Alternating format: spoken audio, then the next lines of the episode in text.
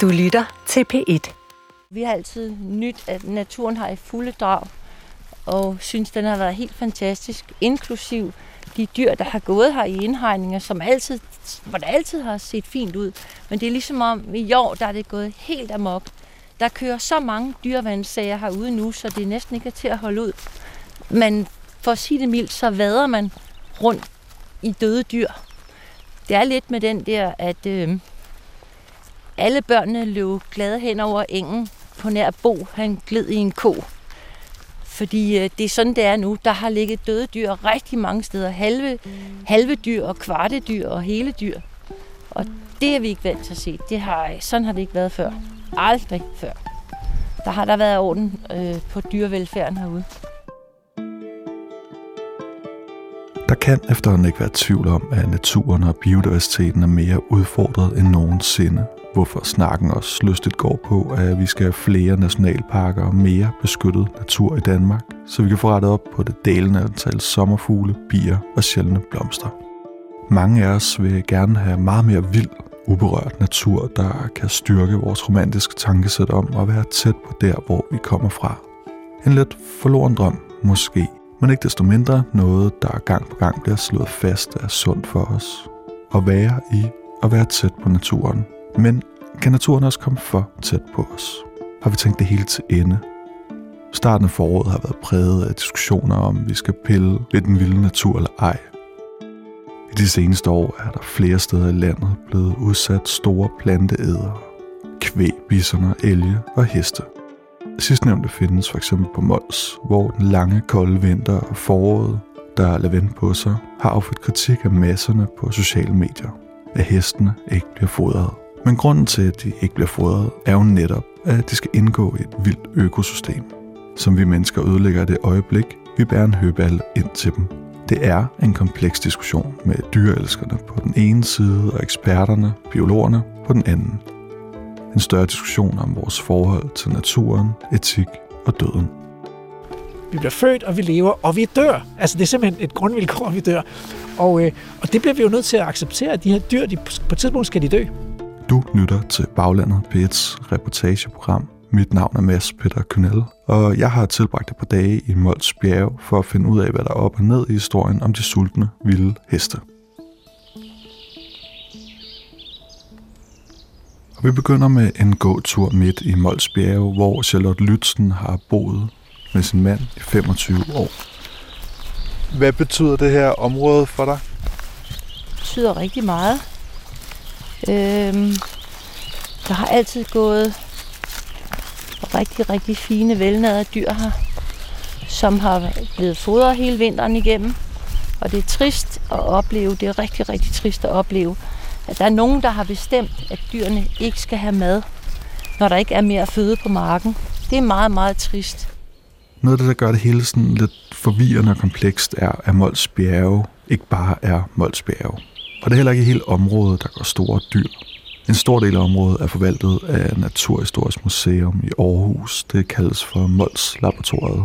Og det er her, der er blevet udsat heste for knap fem år siden. Så er der private arealer, en stor del ejes af den danske Naturfond, og så er der et område, der hører under Naturstyrelsen, hvor der går kvæg. Og her bliver det også prøvet af at fodre meget begrænset om vinteren. Fodre så lidt som muligt af hensyn til naturen, samtidig med, at dyrevelfærden er i orden, som de skriver på deres hjemmeside. Og det er her, Charlotte og jeg går nu. Hvad er dit forhold til dyr? Jeg har et rigtig fint forhold til dyr. Jeg elsker dyr. Og jeg synes, dyr er pragtfulde. Alle slags dyr. Øh, det er lige fra sommerfuglen til fuglen og hesten, reven, gavlingen. Alt, alle dyr. Jeg har et fint forhold til dyr. Jeg elsker dyr. Jeg har selv masser af dyr. Og jeg synes, det, at når man anskaffer sig dyr og har dem i sin varetægt, så skal man sørge for dem. Øh, der er ikke nogen dyr, øh, der bliver bedt om at komme i ens varetægt. Det er noget, man aktivt gør selv. Ligesom man, når man anskaffer sig, eller får børn, så har man en forpligtelse. Og jeg synes, det er helt utilstedeligt, at øh, man lader dyr sulte. Øh, og hvis der var, ikke var nogen hegn, så var de jo gået for længst. Jeg har aldrig været i Mols Bjerge før nu, og det første, der slår en, er naturligvis, hvor helt ufatteligt smukt her er. Navnet taler for sig selv, har mange høje bakker, eller bjerge, om man vil, skabt af istidens kolde, tunge tunge. Efterladt til os, så vi kan nyde landskabet i dag. Noget andet, der slår en er, at der ligesom i resten af Danmark er hegn overalt. Stødhegn, vildhegn, trådhegn, hegn, hegn, hegn. Det er selvfølgelig vigtigt, når man nu har valgt at have store dyr. Men min umiddelbare tanke er også, at det ikke virker specielt vildt, når man vælger at putte dyr ind bag et hegn, dermed også begrænser dem i at finde føde.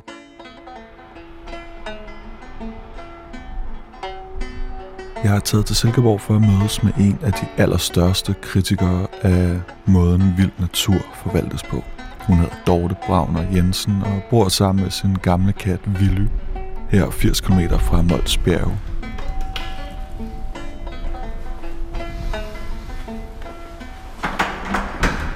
Goddag. Goddag.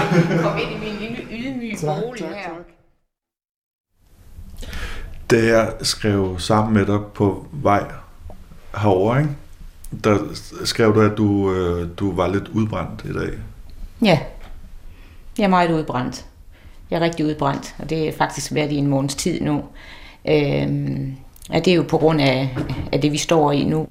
Dorte har en baggrund som dyreværnsleder og har kørt rundt og indrapporteret husdyrhold, der ikke har levet op til dyreværnsloven. Og det er ikke kun hele misæren fra Mols Bjerge, der tager ens tid. For eksempel har hun også anmeldt, at de vilde heste i Bøtøskovene på Lolland virker svækket. Hun kører kampen på sociale medier, og hver gang hun lægger noget op, bliver det hurtigt efterfulgt af mange vrede kommentarer, der bakker hende op. Hvor mange timer bruger du om dagen på det? I den her tid, der bor jeg fra klokken 6 om morgenen til klokken 24 om aftenen, og det har jeg gjort den sidste måned, så jeg er sådan rimelig brændt ud.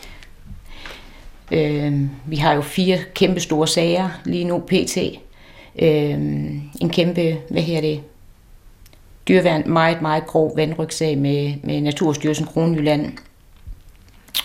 Og, øh, og vi har en meget, meget grov vandrygsag med en privat ejer, der har kreatur gående på den danske naturfondsarealer ude i Mols Bjerge, øh, med, med meget udsultede kreaturer, der også har aborteret og sådan noget hen over vinteren. Øh, og så har vi en sag nede ved Mols Laboratoriet. Hvorfor er det, du bruger så meget energi på at gå ind i øh, de her sager? Jamen det er jo fordi, at jeg brænder for det. Øhm, jeg brænder for det, og fordi at jeg synes, der er nogle, øh, der er nogle, øh, der er nogle problemer øh, i Danmark i forhold til dyrevelfærd. Øh, vi har en dyreværnslov, og øh, det halter lidt med at, at, at, at få håndhævet loven. Og det synes jeg, det er blevet meget forværret, efter vi er begyndt at få de her naturplejeprojekter. Øh, det virker som om, at, at, at der er en lidt længere elastik i de projekter til, hvad man tillader i forhold til lovgivningen. Dorte fortæller selv, at hun ikke er velkommen på Mols Laboratoriet, fordi hende og Morten D.D. Hansen er uvenner. Morten D.D. er en kendt naturformidler på Mols Laboratoriet. Han har også medvirket i mange programmer, for eksempel her på DR, og så er han en af de helt store fortalere for rewilding. Det havde jo egentlig været mest naturligt, hvis vi havde mødtes på Mols. Men der er du ikke så velkommen, siger du? Nej, jeg er ikke så velkommen ude på Mols Laboratoriet, fordi Morten D. det er mig, vi er ikke så gode venner. Øh, jeg har på et tidspunkt ligesom stillet mig op og sagt, jamen altså, der er ikke nogen dyr, der skal sulte i Danmark, og hvis der er dyr, der kommer til at sulte i Danmark, jamen, øh, jamen så kunne jeg nemt finde på at, at, at køre noget hø ud til dem. Øh, jeg tror, jeg kan få 50 bønder til at hjælpe mig. Det har de i hvert fald sagt. Øh, samtidig med, at man må anmelde det til rette myndigheder.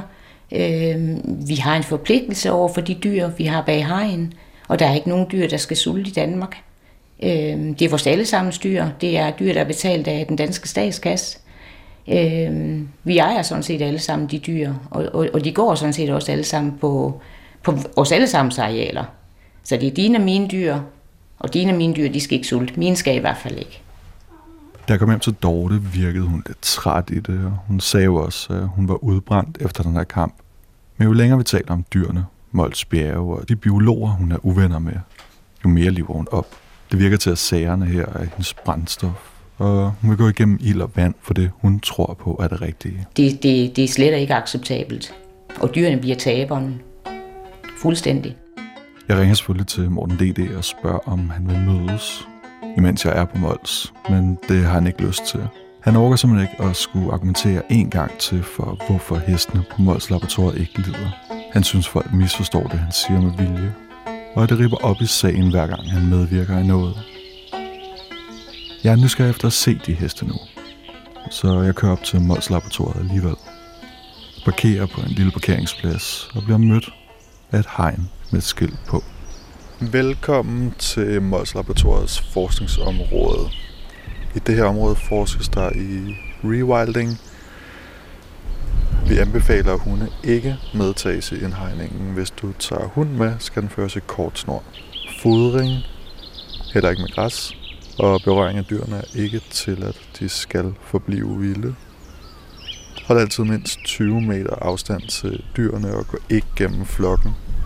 Du har vigepligt også selvom dyrene står eller ligger på stien.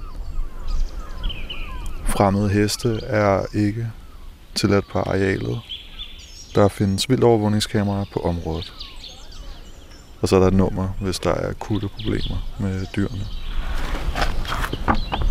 Lige to der mountainbiker, der er kommet. Der holder ude på parkeringspladsen. Ellers er der ikke rigtig nogen mennesker. Det er også onsdag, sådan midt på dagen. Folk er på arbejde nok derhjemme. Men på arbejde alligevel. Der står sådan nogle spredte buske og utrolig meget gyvel, der er ikke blomstret endnu. Det må være flot. Og landskabet bliver helt gult. Om ikke så lang tid, så er der små egetræer og ret mange enebær, buske og et par fyretræer og noget birk. Ligger en stor lort.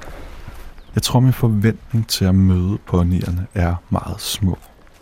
Men lige pludselig, da jeg kommer ud på den anden side af en lille sti, der går gennem gyvler højere end jeg, står der en hest. Kigger mig ind i øjnene og virker mindst lige så overrasket som jeg. Der står en hest. Der er den. Der er en til. Jeg har mødt en lille flok på fem, der står og spiser. Jeg bliver lidt overrasket. Ikke mindst fordi jeg faktisk havde forventet, at de ville være skin og ben. Jeg vil ikke gå alt for tæt på dem. Nu er jeg bestemt ikke hesteekspert. Men jeg synes altså ikke, at de ser tynde ud. Det er fantastisk. De er overhovedet ikke interesseret i mig. Jeg kan også godt mærke, at jeg ikke skal gå tættere på dem. Jeg har selvfølgelig mødt heste mange gange før. Bare ikke uden for en stald eller fold. Og det er svært at beskrive, men man kan godt fornemme, at de er vilde. Nu stod der også på skiltet, at man ikke skulle nærme sig eller fodre hestene. Men det er altid heller ikke noget, jeg har lyst til. Når jeg går forbi en hestefolk på landet, er der en form for kontrakt om, at det er okay at samle en dus græsser op i vejkanten, som hestens bløde mule forsigtigt napper for min hånd. Men det føles ikke naturligt at gøre her. For det første er jeg lidt bange for de små brune ponyer. For det andet virker det bare som om, de ikke rigtig har lyst til at interagere med mig. At de heller vil have, at jeg gik væk. Og det bliver faktisk bekræftet, da en af ponyerne pludselig og bestemt går hen mod mig. Uh-oh. Så. Yes, så trækker jeg lidt væk. Ja, ja. Det skal nok gå.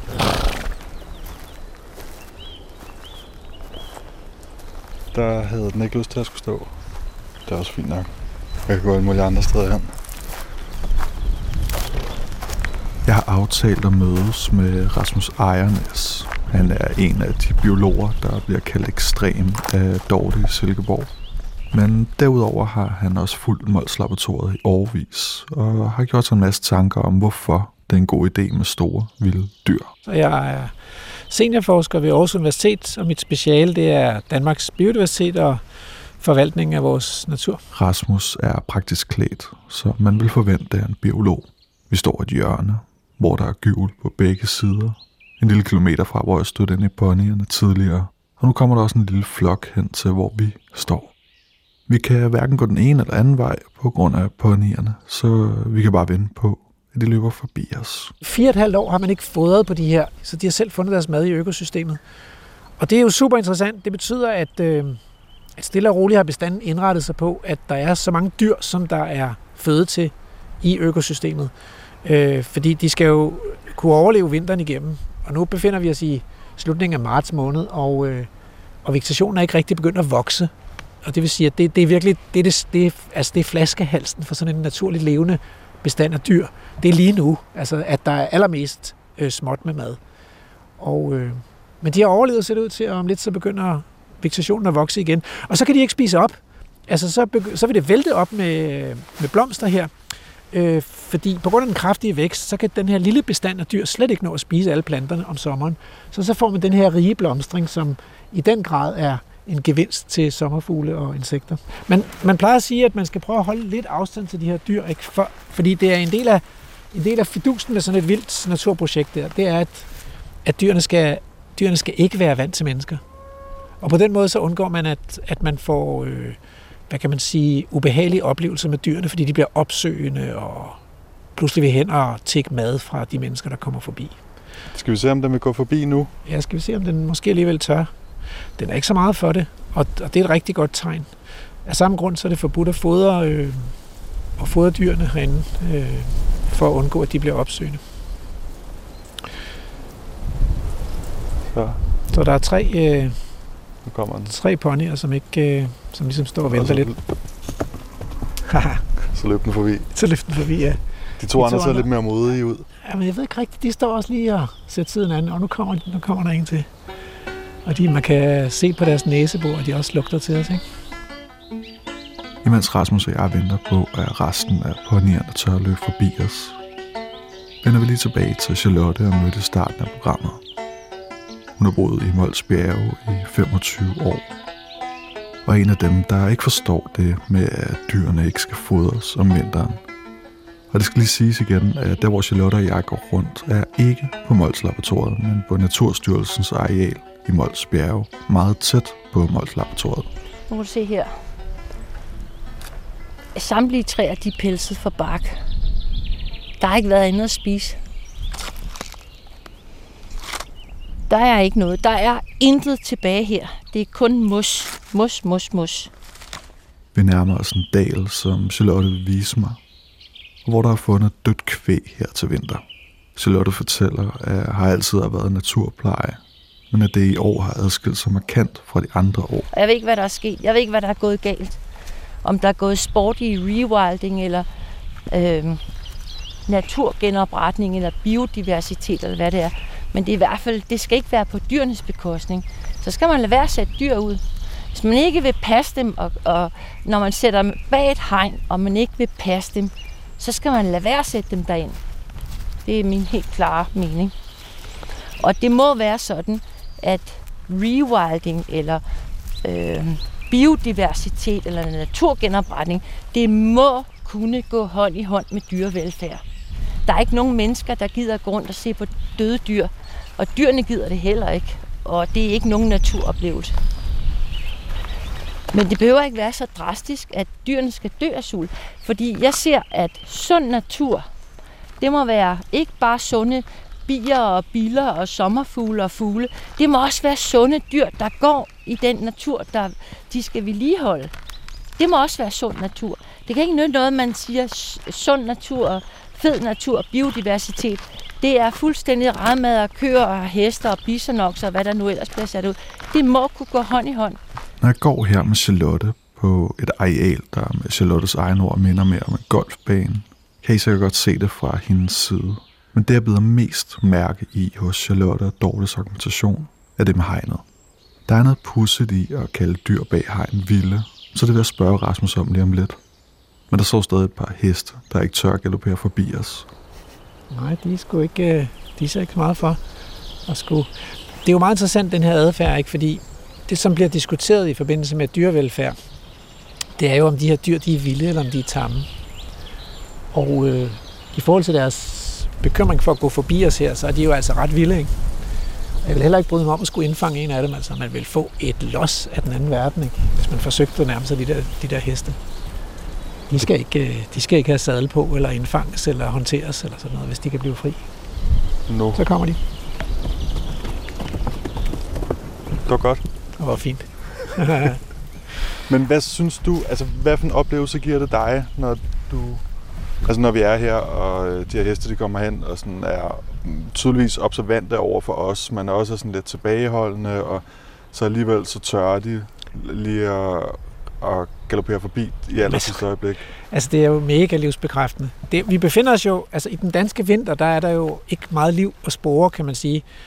Alting går ligesom i dvale, insekterne er væk, og træerne har smidt deres blade, og øh, der er ikke noget, der vokser, der er ikke nogen blomster, der sker ikke noget. Og så mødes en flok levende dyr, som, øh, som står og damper i, øh, i vinterkulden. Det er utrolig livsbekræftende. Og, så så det, det tænker jeg er sådan en, det er jo sådan en ting, vi har glemt, at det findes, fordi at vi er vant til, eller vi har ligesom, vi har ligesom vendt os til, at, at store pattedyr, det er noget, man finder hos landmanden. Fordi alle verdens landlevende pattedyr er blevet, er stort set er husdyr i vores øh, produktionsapparat.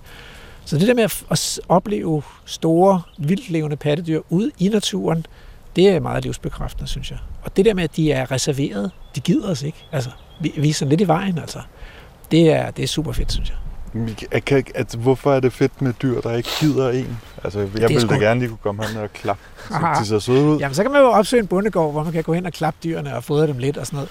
Men der er et eller andet ved, der er et eller andet ved at blive mindet om, at vi, at vi faktisk ikke er verdens centrum eller verdens navle, og alting ikke drejer sig om os. Altså, at, der, at, der, at der er noget af livet, som egentlig, egentlig folder sig ud uafhængigt af os. Så man kan få lov til at være til stede, ikke som en aktør, ikke som en, der skal gøre noget, eller opnå noget, eller kontrollere noget, men simpelthen som et vidne til, at livet folder sig ud. Sådan en lidt mere, øh, en lidt mere ydmyg position. Det tænker jeg, det gør i hvert fald meget godt. Kan du forstå, hvis der er nogen, der går i området og tænker, det her, det ligner en, øh, en golfbane, og øh, hestene, de går, og øh, altså lige meget, hvor meget de går sådan og nipper ned, ja. så er der ikke rigtig noget at finde lige nu. Hvis man ikke tænker sådan dybere over det, så kan jeg jo se, at vi står lige ved hegnet her.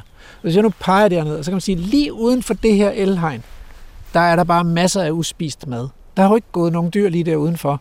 Så der er højt græs, og, og, og der vil være masser af æde for de her dyr. Og så inden for hegnet, der har de gnævet vegetationen ned, men de har jo ikke gnævet den mere ned, end at, end at jeg kan jo se, altså jeg kan jo se både vissent og friskt græs her, hvor vi står, og indimellem gyvlerne der. Så det er ikke fordi, at, at altså, hvis jeg havde været hest herude, det er ikke fordi, jeg ikke ville kunne finde et sted og, og æde stadigvæk. Så det er ikke sådan, at der, men der er meget mere mad derude. Sagen er bare den, at havde vi haft hvad kan man sige, et naturligt Danmark med naturlige tætheder af de her store dyr, planteæderne i økosystemet. Og, og når vi taler naturlige dyr, så skal man bare vide, ikke, at uden mennesker, så havde der, udover at der havde været vildheste og urokser, så havde der også været bison, og der havde været elg, og der havde været europæisk vandbøffel, og der havde været et vildæsel, og der havde været en skovelefant, og måske en mammut, der har været skovnæsehorn og steppenæsehorn. Der har været en... Og om de alle sammen havde været på det samme sted, sikkert ikke, men de havde været i den her klimazone, som vi befinder os i nu. Og de ville jo simpelthen have spist op. Så i et naturligt økosystem, der er der ikke, det er ikke sådan, at, at uden for hegnet, der er der masser af mad, og inden for hegnet, der er der ikke så meget mad. I et naturligt økosystem havde der ikke været nogen steder, de her dyr havde kunne gå hen på nuværende tidspunkt og finde et eller andet glemt lager af mad. Øh, fordi at bestanden af dyr havde indrettet sig på fødemængden. Så det, der foregår inden for hegnet her, det er det naturlige økosystem. Det er simpelthen det, der, det, er det, vi står og er vidne til her. Der er blevet spist op. Vi befinder os i snart 1. april. Der er blevet spist op. Fuldstændig naturligt. Der er slet ikke noget mærkeligt ved det.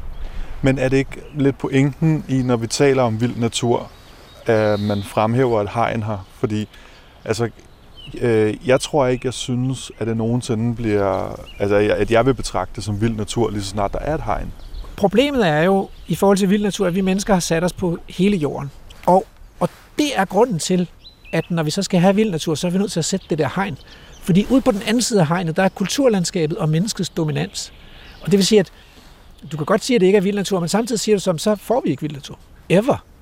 Så, så jeg tror, vi bliver nødt til at, Vi bliver nødt til at omfavne den tid, vi lever i, og så sige, det er et vilkår, at mennesket har mennesket totalt dominerer kloden. Og hvis der skal være nogle steder, hvor vi siger, her er det ikke landbrug og skovbrug og, og fiskeri og jagt og byggeri, der, der bestemmer, her er det naturen, der har første ret, så bliver det under hegn. Det er simpelthen et, et grundvilkår i antropocen, menneskets tidsalder. Og det, hvis man kigger rundt i verden, så må man konstatere, at det, sådan er det også i Afrika og i Asien og i Nordamerika, at hvis man vil have naturligt tæthed af store dyr, så bliver det under hegn, fordi ellers så løber dyrene ud, og så bliver det jo skudt. Vi kan jo ikke have dem rende øh, ude på vores marker, altså. Det går jo ikke. Og øh, i et naturligt økosystem, der bliver de ikke lige så gamle, som hvis de står og bliver, hvis det er et kæledyr, der lever derhjemme og bliver fodret og sådan noget. Men altså, vores produktionsdyr bliver jo heller ikke særlig gamle. De bliver slagtet, når de er blevet fede. Ikke? Så bliver de, altså, en kylling bliver slet ikke særlig gammel. Men så, så de her dyr, der lever i et naturligt økosystem, de vil dø af svækkelse sidst på vinteren. Og det gjorde mennesker også for altså, nogle generationer siden. Så døde mennesker sidst på vinteren, når de ikke havde fået nok at spise. Ikke? Så hvis man kigger i de gamle sovnbøger, ikke, så var det især i marts-april, at, at folk de satte sutterne, fordi at de har sgu ikke fået vitaminer nok om vinteren, og heller ikke helt fået nok at spise. Så sådan er det også med de her dyr. Og, øh, og det tænker jeg egentlig er en interessant udfordring for os mennesker, at, accept, at grundlæggende acceptere, at, at når dyr har levet, og de lever et godt liv her, så på et tidspunkt så dør de, og det vil typisk være sidst på vinteren. Og det er helt naturligt. Det er ikke fordi, vi har sat et hegn. Det er fordi, vi accepterer, at her foregår tingene på naturens præmisser. Ja, her foregår tingene på naturens præmisser.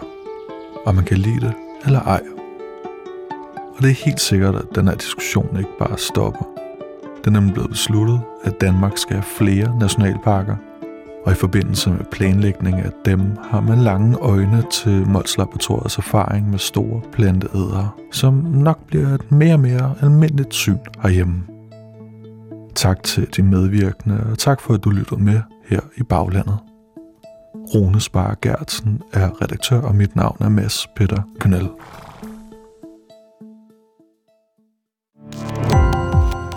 Gå på opdagelse i alle DR's podcast og radioprogrammer. I appen DR Lyd.